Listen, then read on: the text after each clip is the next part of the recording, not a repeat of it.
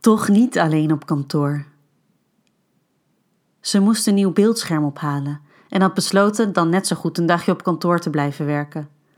Ze had zelf haar thermoskan koffie meegenomen, want de kans dat het bedrijf in deze lockdown de koffiezetapparaten zou schoonmaken was natuurlijk nihil en een dag zonder koffie zou ze absoluut niet overleven. Ook haar gemaakte sandwiches zaten al in een bakje in haar tas. Kortom, ze was gewoon klaar voor een heerlijk dagje rustig doorwerken. Twee uur en drie koppen koffie later stond ze op om haar benen te strekken en even naar de wc te gaan. Het was spookachtig stil op de verdieping. Het leek wel alsof er een ramp was geweest. Wat natuurlijk ook wel een beetje zo was. En alles plotseling verlaten, maar nog in perfecte staat was. Ze liep de wc uit om terug te keren naar de kantoortuin. De gang door, de hoek om, die mega grote plant ontwijken die daar net om het hoekje stond. Wie heeft er in godsnaam verzonnen dat enorme ding hier te zetten? Plotseling stond ze als aan de grond genageld. Er was leven in de vooralsnog lege kantoortuin. Benjamin, door collega's Benja genoemd.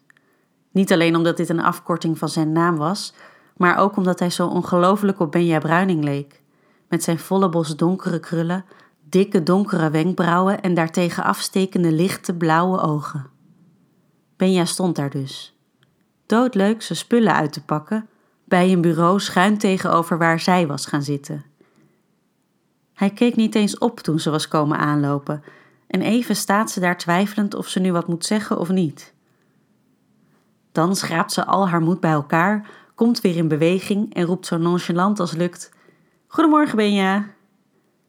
Benjamin schrikt op zijn beurt weer van haar, maar herstelt zich zo snel mogelijk. Hé, hey, wat doe jij hier? Sorry, maar ik ben hier meestal helemaal alleen, dus ik had je niet verwacht. Zit je hier elke dag? vraagt hem verbaasd. Ja, eigenlijk wel, antwoordt hij schuldig. Thuis worden mijn huisgenoten helemaal gek van me en hier kan ik rustig doorwerken, verklaart hij. Er is toch niemand anders, dus ik dacht, dan kan het wel. Eh, ja, waarom ook niet?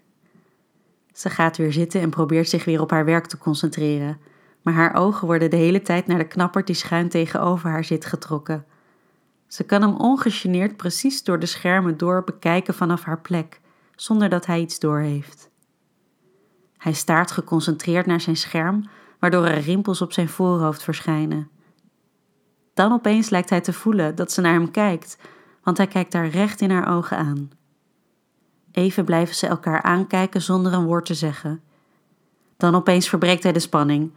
Weet je, ik denk dat er nog een fles wijn in de koelkast staat. Ik vind dat we wel een glaasje verdienen zo op de vrijdagmiddag. Jij? Ja, zeker. Goed idee, antwoordt ze een beetje verlegen. Hij springt gelijk op en ze loopt gespannen achter hem aan. Zoek jij even glazen? vraagt hij terwijl hij naar de koelkast loopt. Ze trekt een paar kastjes open en bij het derde kastje is het raak. Ze ziet een berg wijnglazen netjes in rijtjes achter elkaar staan en pakt de twee voorste. Als hij de glazen heeft ingeschonken, klinkt hij zijn volle glas tegen dat van haar aan. Proost! En neemt gelijk een grote slok. Ze volgt zijn voorbeeld en wipt dan op de grote keukentafel die in de algemene ruimte staat. De stilte die volgt is zo ongemakkelijk dat ze het liefst een gesprek begint over iets, maakt niet uit wat, gewoon iets om de stilte te verbreken. Maar ze doet het niet. Ze wil helemaal niet met hem praten over het weer of over de pandemie. En ze wil deze spanning al helemaal niet verpesten. Hij moet hetzelfde denken, want ook hij maakt geen aanstalten om iets te zeggen. In plaats daarvan blijven ze elkaar aankijken terwijl ze hun wijn drinken. Als zijn glas leeg is, loopt hij met de fles naar haar toe en schenkt hij zonder iets te vragen beide glazen bij. Hij blijft gevaarlijk dicht bij haar staan en leunt nog verder naar haar toe om de fles naast haar op tafel te zetten. Hi, fluistert hij met zijn gezicht niet meer dan 15 centimeter van die van haar. Hi, fluistert ze terug. Even blijven ze zo staan. Dan buigt hij in slow motion naar haar toe tot zijn lippen die van haar raken. Na een zachte kus neemt hij afstand en kijken ze elkaar aan. Wil zij dit? Wil hij dit?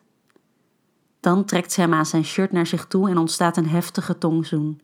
Haar handen grijpen zijn nek, gaan door zijn haar. Zijn handen vinden zijn weg onder haar shirt. Ze wil meer, Meer voelen. Ze begint aan zijn trui te sjorren en hij laat hem gewillig uittrekken. Ze laat haar handen over zijn gespierde armen en borstkas gaan. Eerst zachtjes en gevoelig, maar al snel krassen haar nagels over zijn witte huid.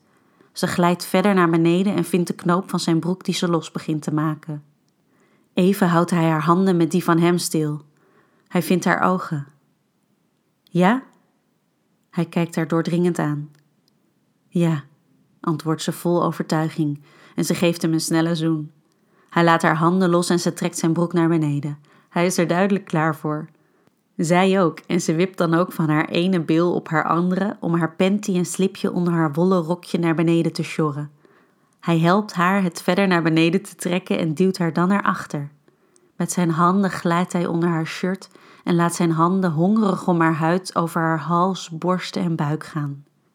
Dan zakt hij door zijn knieën, duwt haar rokje omhoog en haar knieën uit elkaar zodat hij vrij spel heeft. Bij de aanraking van zijn tong hapt ze naar adem. Hij likt haar tot ze zijknat is. Dan trekt hij haar aan haar knieholtes nog iets verder naar zich toe en glijdt hij bij haar naar binnen. Ze gooit haar armen in de lucht en laat zich gewillig nemen. Als ze voelt dat ze een hoogtepunt nadert, grijpt ze om zich heen naar houvast. Ze vindt uiteindelijk het uiteinde van de tafel.